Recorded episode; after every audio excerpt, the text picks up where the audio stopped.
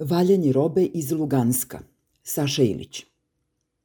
Da je u diplomatskoj praksi bolje umeti čitati nego pevati, posvedočit će slučaj jednog građanina Beograda koji je skloniji da zapeva pesmu Mitra Mirića Ne može nam niko ništa, inače nezvaničnu himnu SPS-a, nego da pročita deklaraciju na kupljenoj ili ukradenoj robi.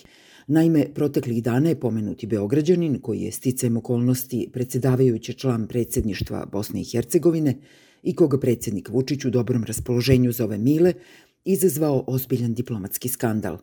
Dakle, Milorad Mile Dodik je ministru inostranih poslova Rusije Sergeju Lavrovu prilikom dvodnevne posete Bosni i Hercegovini u čast dolazećeg praznika Svetog Nikole poklonio pozlačenu ikonu Svetog Nikolaja Čudotvorca.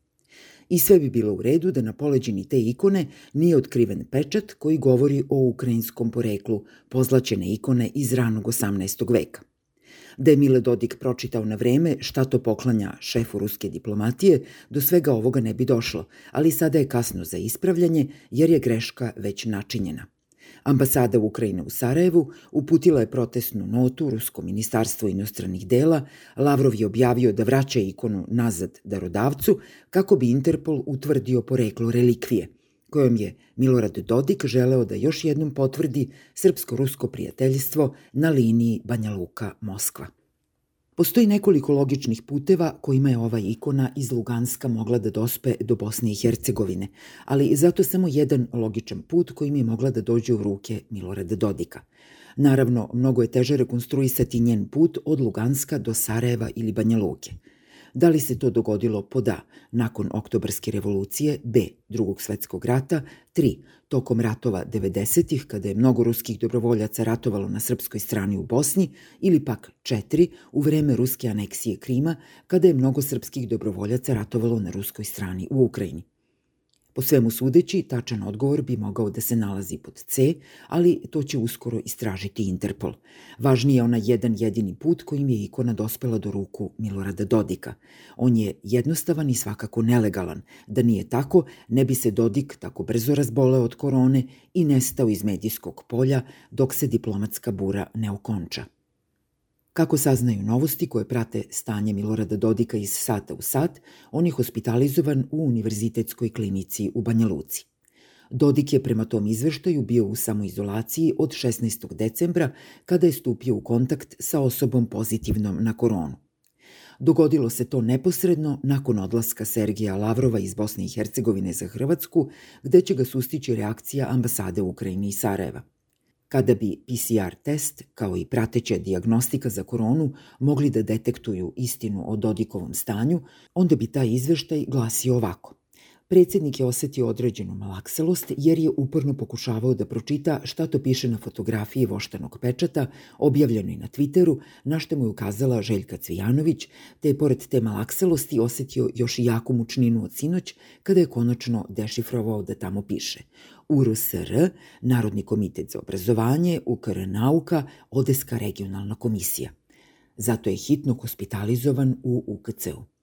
Ono što je jako bitno, kaže izveštaj specijaliste, jeste da osim te malakselosti od čitanja, te mučnine nakon saznanja i vrtoglavice od straha za svoju poziciju, predsednik se osjeća dobro, nije priključen na bilo kakve aparate, osim na mobilni telefon, budući da svaki slobodan trenutak između čestih vizita i terapije koristi da bi se čuo sa Nikolom Kusovcem, saputnikom mnogih kunst istoričarskih ofanziva tokom ratova 90-ih. Budalaština, poručuje Nikola Kusovac, odpočevši tako svoju stručnu ekspertizu, pošto je saslušao reakciju iz Ukrajine, kojom se tvrdi da je reč o kulturnom dobru Ukrajine.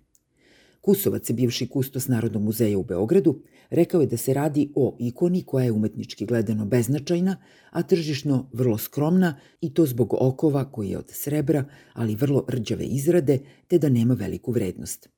Ako neko za tu ikonu nastavio je Kusovac, valjda misleći na Lavrova, dobije 150 do 200 eura, taj je savršen trgovac.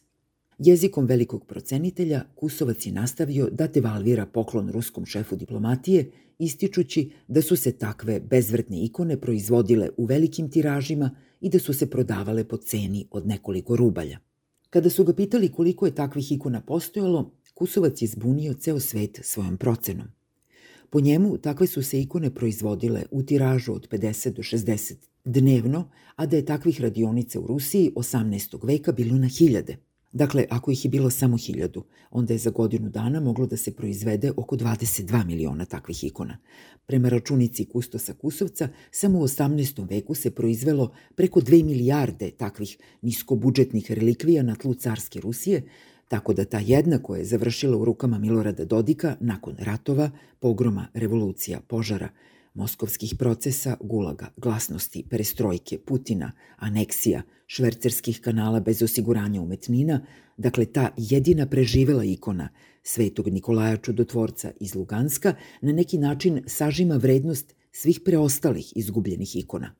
Kako stvari stoje, Kusovac greši, jer bi Lavrov za tu ikonicu svakako mogao da dobije malo više od 200 eura, a da pritom i ne bude bog zna kako vešt trgovac.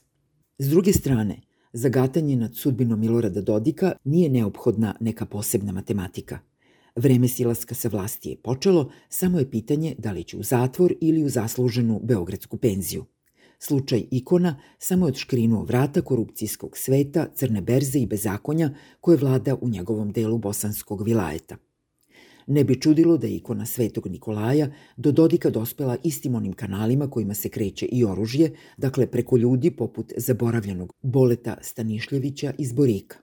Kalašnjikovi, ikone iz Luganska, droga, prljav novac, svašta protiče tim tokovima. Nekada ta roba ispliva u prostorijama neke sale za kulturne programe u Banja Luci, kao što je to bio slučaj u januaru 2012. na proslavi Dana Republike Srpske, kada je Tadić gostovao kod Mileta od Beograda, a nekada se pojavi ukradena ikona kojom Mile želi da daruje šefa ruske diplomatije. Ali Mile slabo čita, radije peva i sada mu je sva nada usmerena ka Beogradu i veštacima odande, koji će po svaku cenu nastojati da spasu svog redova Boldrika, koji je toliko uprskao srpsku stvar da mu ne može pomoći ni sveti Aleksandar Čudotvorac, čija se digitalna ikona svakodnevno umnožava širom srpskog medijskog sveta, otprilike u istoj razmeri kao analogna ikona svetog Nikolaja u Rusiji 18. veka.